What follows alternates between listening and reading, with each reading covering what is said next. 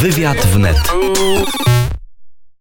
Jest godzina 8.13, a to jest studio Prawy Brzeg, którego gościem, telefonicznym gościem jest e, pan Paweł Mucha, minister w kancelarii prezydenta Andrzeja Dudy i prawnik. Dzień dobry, panie ministrze. Dzień dobry panie redaktorze, dzień dobry państwu. To zacznijmy od spraw e, prawnych, które nie dominują debaty e, publicznej i prezydenckiej, ale są bardzo ważne, czyli pytanie, co dzieje się w Sądzie Najwyższym. No jesteśmy w toku, w toku procedury e, kandydatów. Zgromadzenie Ogólne Sędziów Sądu Najwyższego ma tego rodzaju obowiązek i powinność, żeby przedstawić kandydatów panu prezydentowi. Zgodnie z przepisem Konstytucji prezydent dokonuje wyboru pierwszego prezesa Sądu Najwyższego, powołuje na sześcioletnią kadencję spośród tych kandydatów, których przedstawi właśnie Zgromadzenie Ogólne. Wiemy, że jest e, zapowiedź kontynuacji tego Zgromadzenia Ogólnego. Mamy pana profesora, który jest dzisiaj tą osobą, która, której powierzono wykonywanie tych obowiązków pierwszego prezesa w tym celu, żeby przeprowadzić to, to zgromadzenie i ufam, że, że te czynności uda się przeprowadzić. No nie ulega wątpliwości, że Sąd Najwyższy to jest bardzo ważny organ i że tutaj, jeżeli chodzi o funkcjonowanie Sądu Najwyższego, potrzeba sprawnego działania. Żeby to sprawne działanie miało miejsce, trzeba przeprowadzić e, wybór. I tutaj pan profesor Aleksander Stępkowski jest pełniącym obowiązki, który e, takie zadania ma do, do przeprowadzenia i, i ufam też w to, że no nie będziemy świadkami jakichś kolejnych działań, które miałyby służyć temu, żeby utrudnić czy uniemożliwić e, wykonywanie obowiązków przez Zgromadzenie Ogólne bo bardzo krytyczną można mieć ocenę niektórych działań, które, które miały wcześniej miejsce. Zresztą publicznie było to przez wielu dostrzeżone i, i publicznie było to wskazywane jako niebudujące prestiżu też e, niestety Sądu Najwyższego. Bo e, z tym, co się działo w Sądzie Najwyższym i z wyborami pierwszego sędziego e, Sądu Najwyższego nie poradził sobie pan Zaradkiewicz. Dlaczego? To jest pytanie o, o decyzję o e, rezygnacji pana, e, pana sędziego Zaradkiewicza, natomiast z perspektywy z perspektywy tego celu, e, jakim jest przeprowadzenie zgromadzenia ogólnego, bardzo szybkie były tutaj działania pana prezydenta i zachowana została pewna ciągłość, dlatego że z, wtedy, kiedy ta rezygnacja pana sędziego Zaradkiewicza została złożona. Pan prezydent niezwłocznie, zgodnie z artykułem 13a ustawy o Sądzie Najwyższym, podjął taką decyzję, żeby powołać e, sędziego Sądu Najwyższego, e, pana profesora Aleksandra Stępkowskiego. I, e, I w związku z tym mamy do, do, do czynienia z taką sytuacją, że nie było tutaj wielkiej zwłoki w czasie, bo te czynności są zapowiadane według mojej pamięci na najbliższy piątek na 22 maja. Chociaż część sędziów już zdążyła oprotestować nową nominację.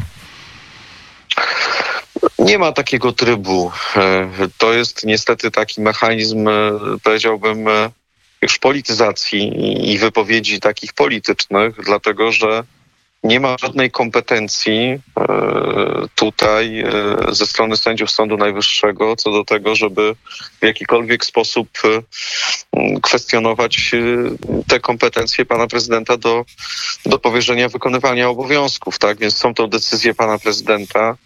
Pan prezydent tutaj rozstrzyga. Status sędziego Aleksandra Stępkowskiego nie, nie budzi żadnych wątpliwości tymczasowo kieruje Sądem Najwyższym, a tym głównym jego zadaniem jest przeprowadzenie tego zgromadzenia ogólnego. Czy to przez nadzór judykacyjny, czy to przez wpływ na kształtowanie właśnie mm, orzecznictwa, ale także i, i kwestie związane z bezpośrednim wykonywaniem tych funkcji orzeczniczych. Sąd Najwyższy no, ma ogromny wpływ na funkcjonowanie polskiego wymiaru sprawiedliwości, oczywiście także sądownictwa powszechnego Myślę, że ogromna większość słuchaczy i w ogóle obywateli Rzeczypospolitej jest zmęczona taką dyskusją sędziów o sędziach, dyskusjami, które skupiają się na statusie sędziowskim czy na kwestiach podziałów środowiskowych. Tutaj nie może być mowy o żadnych podziałach na nowych, starych sędziów.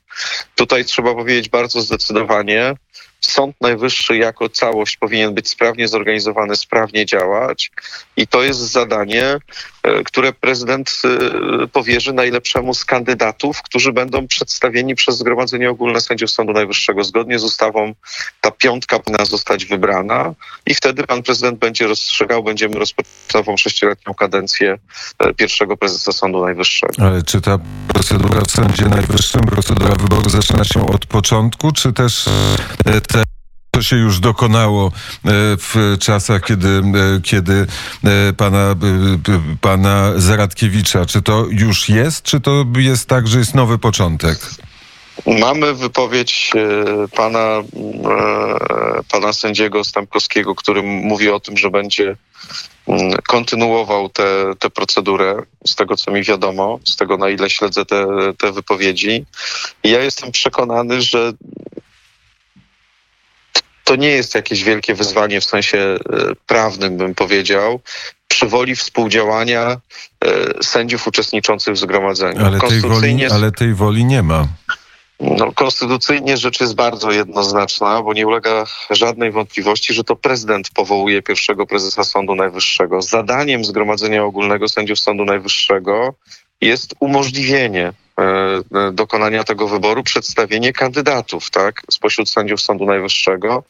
I e, chciałbym tutaj mm, być przekonany, że to uda się sprawnie przeprowadzić, ale wierzę też w to, że pan sędzia Stępkowski, mając tutaj i wiedzę, i doświadczenie, i mając tutaj także doświadczenie które jest z różnych sfer działalności, nie tylko działalności publicznej, ale także z działalności naukowej, działalności orzeczniczej, będzie w stanie to przeprowadzić w taki sposób sprawny.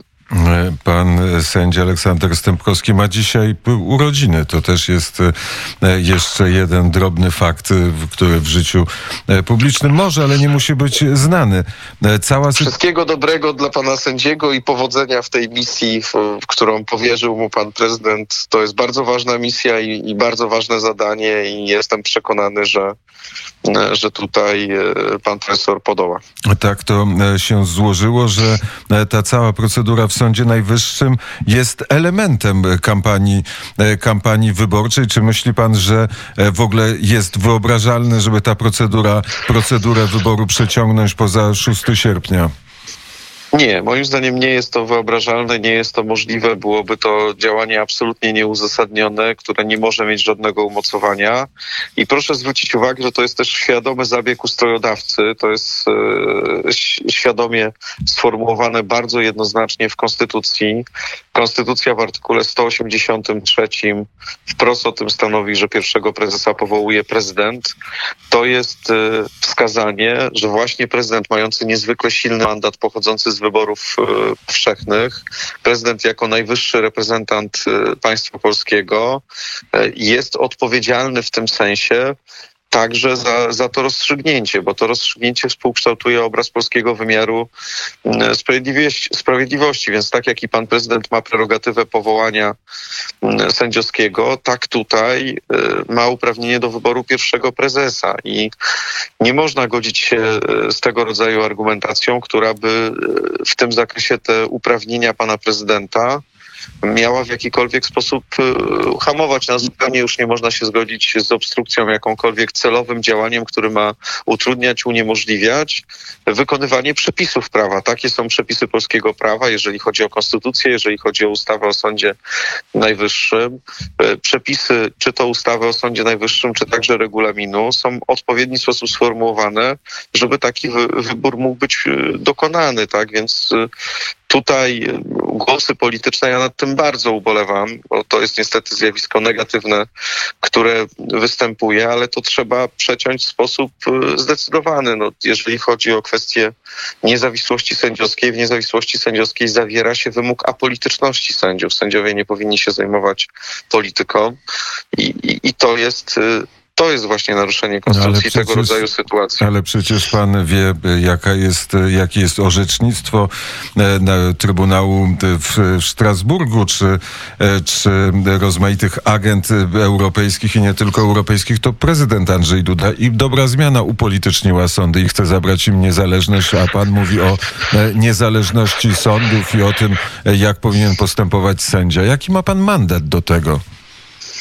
No, patrzę zdrowym rozsądkiem na wszystkie te okoliczności, które mają miejsce. Trzymam się litery polskiej konstytucji, trzymam się także litery traktatów e, unijnych i, i, i polski ustrojodawca ukształtował w określony sposób e, przepisy dotyczące powołań sędziowskich, dotyczące wymiaru sprawiedliwości. To są kompetencje bardzo jednoznaczne. Jeżeli chodzi o sytuację postępowań, które się toczą przed Trybunałem Sprawiedliwości Unii Europejskiej, to trzeba zwrócić też bardzo wyraźnie uwagę na to, że jak to przyznaje także TSUE i jak to jest powszechnie wiadomym, Unia Europejska nie ma kompetencji dotyczących organizacji wymiaru sprawiedliwości przez państwa członkowskie. To są kompetencje przypisane poszczególnym państwom. Bardzo różne są te modele w poszczególnych państwach, jeżeli chodzi o powołania sędziowskie, jeżeli chodzi o strukturę sądownictwa, funkcjonowanie wymiaru sprawiedliwości. Natomiast e, wszystkie te zmiany, które w Polsce zachodzą, w żaden sposób nie naruszają zasad e, niezawisłości sędziowskiej czy niezależności sądów i i tutaj mamy do czynienia no, z pewnym e, zjawiskiem, które no niestety jest, e, jest właściwe dzisiaj dla części elit sędziowskich, no takim zjawiskiem, które polega na zaangażowaniu bardzo wyraźnym politycznym. I to są osoby, które już mm, ustąpiły z urzędów, czy zakończyła się im kadencja, też miały tego rodzaju aktywności i osoby, które dalej są aktywne, także przedstawiciele niektórych ciał czy gremiów, y, którzy bardzo mocno się angażują politycznie po stronie mm, przeciwników dzisiaj y, większości parlamentarnej, czy mm, opozycji wobec pana prezydenta, tylko że na to nie może być przyzwolenia, bo panie redaktorze, rozmawiamy o sprawach zupełnie fundamentalnych. Mamy separację władzy, ale w ramach tej separacji nie mamy jakiejś supremacji, czy nie mamy jakiegoś e, stanu, który byłby ponad reguły demokratyczne. Tak? Nie możemy rozumować w takich e, e, kategoriach, jak to się niekiedy w publicystyce potocznie mówi, sędziokracji, bo Polska jest demokratycznym państwem prawnym i są kompetencje przypisane do władzy ustawodawczej, do władzy wykonawczej i są kompetencje wprost powierzone prezydentowi Rzeczypospolitej. I tutaj nie ulega wątpliwości, że działamy na podstawie i w granicach prawa. To e, przejdźmy teraz do e, kampanii, e, kampanii wyborczej. Jest pan przekonany, że wybory będą 28 czerwca? To są kompetencje marszałka Sejmu, pani marszałek Elżbiety Witek. E, pan prezydent rozmawiał zarówno z panią marszałek Elżbietą Witek, jak i z marszałkiem Senatu, e, panem Tomaszem Grodzkim, w takim duchu, który też jest dość oczywisty i który wynika wprost z analizy przepisów Konstytucji. My jesteśmy demokracją, w demokracji odbywają się wybory. Władza zwierzchnia w Rzeczypospolitej Polskiej należy do narodu. To jest naród pisany wielką literą. My wszyscy, którzy jesteśmy obywatelami Rzeczypospolitej, jest konstytucyjne prawo wybierania prezydenta Rzeczypospolitej. To jest też wprost w Konstytucji wyrażone jeden z podstawowych naszych przywilejów, prawo wybierania prezydenta, artykuł 62 Konstytucji. I mamy kadencję prezydenta. Kadencja kończy się 6 sierpnia, pierwsza kadencja pana prezydenta Andrzeja Dudy. Są wyzwania związane z tarczą antykryzysową, tarczą finansową związane z COVID-19, wyzwania dotyczące walki o zdrowie publiczne. Pan prezydent te wyzwania podejmuje. To jest trudny czas dla Polski, ale w tym trudnym czasie dla Polski no nie może być tak, że mamy jakiś stan niepewności prawnej, jeżeli chodzi o najwyższy urząd w państwie. Tym bardziej, że konstytucja definiuje rolę prezydenta jako gwaranta ciągłości władzy państwowej. Pan prezydent jest wybierany przez naród w wyborach powszechnych, równych, bezpośrednich w głosowaniu tajnym. Te wybory powinny się odbyć i pan prezydent mówił to e, przedstawicielom władzy ustawodawczej, apelując o to, żeby w szczególności w Senacie te prace postępowały w sposób e, sprawny, I tak, teraz... tak żeby możliwe i teraz wygląda na to, że będą sprawnie, bo mamy nową geografię e, wyborczą, nową osobę, która pojawiła się w tych e, wyborach prezydenckich, e, prezydent Warszawy. Co zmienia to w strategii kampanijnej prezydenta Andrzeja Dudy? To jest oczywiście szokujące, jakiej wolty dokonała Platforma Obywatelska, bo mieliśmy do czynienia z taką sytuacją, że jeszcze 10 maja padały wypowiedzi o zabójczych wyborach i o wyborach, których nie wolno przeprowadzić w głosowaniu korespondencyjnym, a już 15 maja e, pan Rafał Trzaskowski z uśmiechem na ustach mówi: Zapraszam Państwa wszystkich na wybory. Musimy wszyscy uczestniczyć w wyborach, więc to pokazuje, jak instrumentalnie ta formacja podchodzi do kwestii prawa wyborczego, do tej dyskusji i do suwerennego prawa nas wszystkich do, do, do wyboru. To jest dla mnie rzecz mm, niebywała.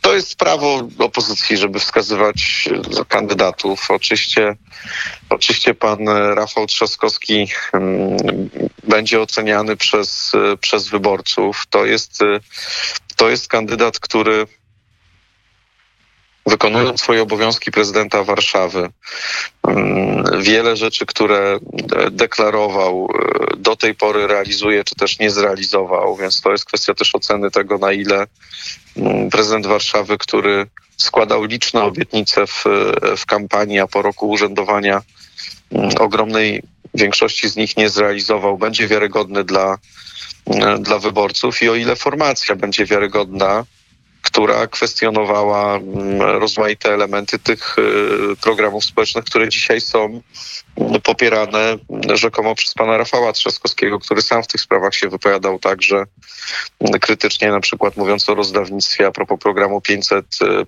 I wreszcie to jest pytanie takie podstawowe o znajomość y, polskich spraw poza, poza polityką europejską, poza kwestiami brukselskimi, e, znajomość e, spraw, które obejmują całą Rzeczpospolitą, a nie tylko nierozwiązane zresztą problemy Warszawy, gdzie, gdzie mamy zawieszanie z wywozem śmieci, gdzie mamy e, chociażby dzisiaj kryzys związany ze sprawnym systemem rozpatrywania wniosków o mikropożyczki, gdzie, gdzie też Warszawa w tych statystykach wypada bardzo źle pod administracją pana prezydenta Trzaskowskiego.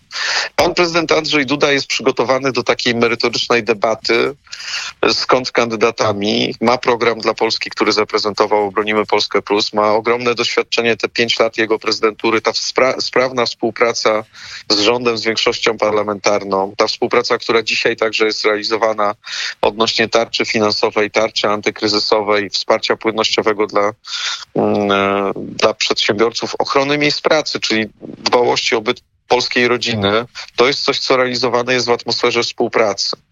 To jest realizowane na zasadzie współdziałania większości parlamentarnej z prezydentem Rzeczypospolitej.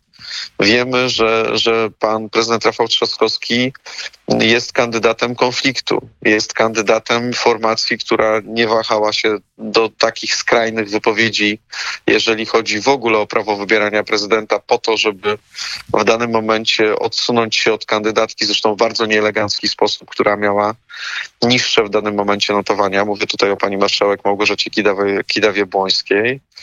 A mm, e, dzisiaj no, no, to mamy rozstrzygnięcia, które są w rękach wyborców. Wyda, wygląda na to, że Rafałowi Trzaskowskiemu udało się narzucić w tym momencie pewną agendę, e, czyli to, o czym rozmawiają Polacy. Tą agendą są e, media e, publiczne. Czy tutaj wyzwanie do debaty na temat mediów publicznych podejmie prezydent Andrzej Duda? Ja bym powiedział tak, że jeżeli chodzi o tę agendę, to mamy co najmniej trójkę kandydatów, którzy mają podobne wyniki yy, dzisiaj to jest y, y, pan Szymon Hołownia, pan prezes Władysław Kosiniak-Kamysz i też pan Rafał Trzaskowski. Pan Rafał Trzaskowski korzysta z pewnego efektu nowości, bo właśnie rozpoczął te, y, te, te, te, te kampanie. Natomiast no, pewności, kto z tej trójki kandydatów tutaj jest taką osobą z, z tego grona opozycji, która, która cieszy się największym poparciem, no, pewnie nie możemy mieć, bo najlepszym sondażem wyborczym są same wybory tak? Sondaże się zmieniają. Bardzo często te sondaże są pokazywane w różny sposób przez y, komitety, czy zlecane przez komitety po to żeby kształtować się y, stanowisko opinii publicznej, więc no, podchodziłbym tutaj z mniejszą, bym powiedział, pewnością siebie niż właściwa dla, dla pana Rafała Trzaskowskiego, bardzo duża pewność siebie.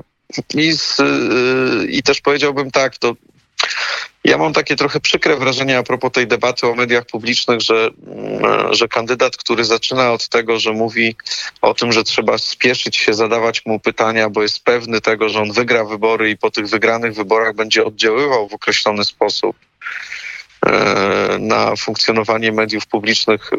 Trudno powiedzieć, nie jestem rzecznikiem pana Trzaskowskiego, nie wiem, co miał na myśli, mówiąc, że spieszcie się zadawać pytania wtedy, kiedy mu pytania o niezrealizowane obietnice warszawskie stawiano.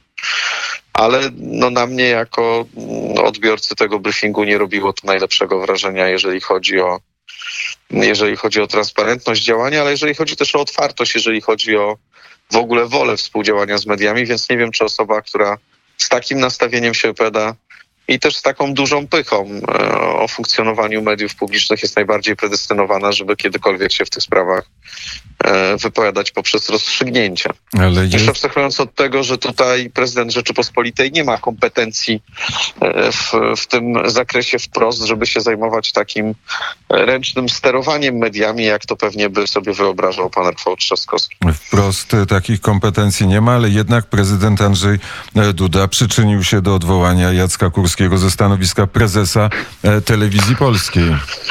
Była pewna, była pewna koincydencja czasowa, natomiast no, to były sytuacje związane z jednej strony z rezygnacją czy zapowiedzią rezygnacji przez pana prezesa Kurskiego, z drugiej strony z e, wypowiedziami uprawnionych tutaj osób, no bo to były informacje, które publicznie e, przedstawiał opinii mm, mm, publicznej pan, e, pan przewodniczący Czabajski, więc Przypominam, że w tym okresie to były wypowiedzi uprawnionych podmiotów, uprawnionych organów. To prawda, ale można e, powiedzieć, że kandydatów w wyborach e, prezydenckich łączy jedna rzecz, czyli chęć odwołania Jacka Kurskiego ze stanowiska prezesa telewizji. Nie chcę wchodzić w tego rodzaju e, dy, dywagacje. Pan prezydent nie wypowiadał się w kwestiach personalnych, tylko pan prezydent się wypowiadał w sposób zdecydowany na temat misji e, mediów publicznych i mówił o tych zadaniach związanych e, z misją i to w perspektywie funkcjonowania telewizji publicznej i w perspektywie funkcjonowania także polskiego radia. Gdybyśmy o polskim radiu jest teraz głośno, ale z racji tego, że e, kiedyś byłem dyrektorem programu trzeciego, nie będę panu ministrowi zadawał na ten temat żadnych pytań w czasie tego wywiadu, ale zapytam się o to, e, bo e, strategia kampanii wyborczej to jest tak. Rafał Trzaskowski wszedł na ostatniej prostej. Prezydent Andrzej Duda prowadzi kampanię wyborczą od jakiegoś czasu, jest od pięciu lat prezydentem, więc coś musi się w tej strategii prezydenta Andrzeja Dudy zmienić na tej ostatniej. Za 30 dni będą wybory. Co, co się zdarzy? Czym... Panie, Panie redaktorze, no oczywiście to się robi, a o tym się nie mówi. To jeżeli pan redaktor pyta o kuchnię i pyta pan o prace koncepcyjne otoczenia pana prezydenta, pyta pan o pewną ofensywę w, za w zakresie działalności, jeżeli chodzi o, o, o na nasze działania, to o takich działaniach raczej się nie opowiada, tylko się je realizuje i na tym polega rola zaplecza prezydenta, żeby go w tym wspierać, ale ja nie zdradzę żadnej tajemnicy, że prezydent Andrzej Duda, który jest blisko ludzkich spraw, spraw, który jest blisko ludzi, który jest gwarantem tych zmian społecznych, które zostały dokonane, ale który jest gwarantem też pewności, jeżeli chodzi dzisiaj o realizację takich wyzwań, które są związane z ochroną miejsc pracy, funkcjonowaniem polskich przedsiębiorców w ramach tarczy antykryzysowej, tarczy finansowej. Pan prezydent, który jest e, aktywny w, w całej Polsce, będzie realizował swój program, bo z jednej strony mamy do czynienia z e, politykiem wiarygodnym, sprawdzonym, tym, który gwarantuje także to wszystko, co określamy mianem Polski Plus, a z drugiej strony mamy do czynienia z kolejną e, propozycją czy propozycjami kadrowymi e, Platformy Obywatelskiej, formacji, którą Polacy słusznie odsunęli od, od władzy mając świadomość tego, że ta formacja słynie też z takiej nierzetelności, dość żeby przypomnieć podwyższenie wieku emerytalnego, a pewnym symbolicznym tutaj moim zdaniem, jeżeli chodzi o politykę europejską i naszą rolę w, w Europie, może być także e, wskazanie, że pan Rafał Trzaskowski jest zastępcą pana Donalda Tuska, więc pytanie, czy kolejny kandydat Donalda Tuska po pani Małgorzacie Kidawie-Błońskiej, może po części trochę też pan Szymon Hołownia jest tym kandydatem, przynajmniej jednej też ze stacji telewizyjnych, które mocno go tutaj wspierały do tej pory.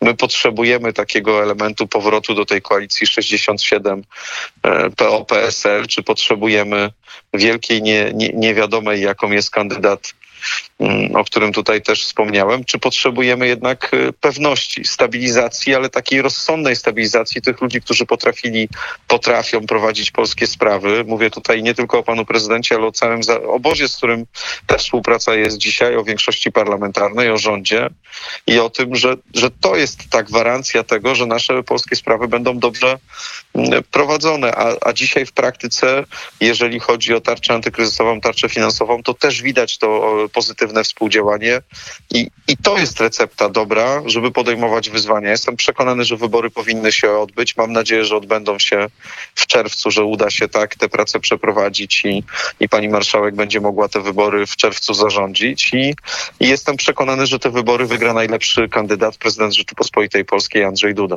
W pierwszej czy w drugiej turze? To jest rozstrzygnięcie e, suwerena. Tutaj nie, nie popadałbym w taką arogancję, jak jest właściwa dla, dla różnych e, właśnie kandydatów opozycyjnych, którzy już się mienią przyszłymi prezydentami Rzeczypospolitej. Z pokorą trzeba podchodzić do tego. Oczywiście pan redaktor wie, co, co, co serce mi podpowiada i czego bym oczekiwał, ale to są rozstrzygnięcia, które, które będą podejmować e, wyborcy Polki i Polacy.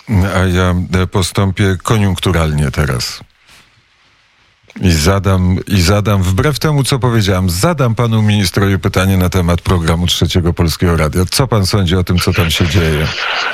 E, ja nie czuję się uprawniony, żeby wypowiadać się e, szczegółowo, natomiast wypowiadałem się w tej sprawie na pewnym poziomie ogólności i tutaj tego zdania nie, nie zmieniłem. Nie, nie, nie ma żadnego uzasadnienia dla, dla jakichkolwiek e, działań, które by miały ograniczać swobodę wolności twórczej, natomiast nie ingeruję, nie ingerowałem. Kancelaria prezydenta w żaden sposób nie ma styczności, jeżeli chodzi o kwestie personalne, o kwestie związane z działaniami podejmowanymi w, w, ramach danej redakcji. I nie powinna też mieć e, tutaj żadnej roli. To nie są zadania dla polityków, to są e, pytania do fachowców, to jest pytanie bardziej dla pana redaktora, bo ja bym mógł pana zapytać jako osobę, która ma ogromne doświadczenie także w zarządzaniu, jeżeli chodzi o tę sferę dziennikarską i, i, pełniła funkcje kierownicze w mediach. E, jakie decyzje tam zapadają i, i, i być może poza anteną e, możemy na ten temat też e, porozmawiać o pana osobiste tutaj poglądy, chyba że pan też chce to publicznie formułować. Natomiast ja się nie czuję tutaj uprawniony, żeby żeby rozstrzygać jakieś kwestie kadrowe, czy oświadczeń, czy, czy jakieś spekulacje medialne, które tam się toczą. Natomiast nie ulega dla mnie wątpliwości jedno. Nie może być żadnego uzasadnienia, jeżeli chodzi o ograniczenie e, swobody wolności twórczej, tak, i, e, i nie powinno być żadnych ingerencji, czy to list, w listy przebojów, czy, czy w jakiekolwiek inne e, tego rodzaju aktywności. Bo to jest zdarzenie, które trafiło do BBC, trafiło do New York Timesa. To jest taka pokazanie dla ludzi, którzy nie obserwują sytuacji w Polsce. Zobaczcie, co się w Polsce dzieje utwór muzyczny nie może być emitowany na antenie publicznego radia, bo jest cenzura. W Polsce nie ma cenzury. To nie ulega żadnej wątpliwości, że nie ma w Polsce mm, cenzury. To tak jak mówię, no, ja nie jestem rzecznikiem e, dyrekcji czy redakcji Polskiego Radia Programu Trzeciego.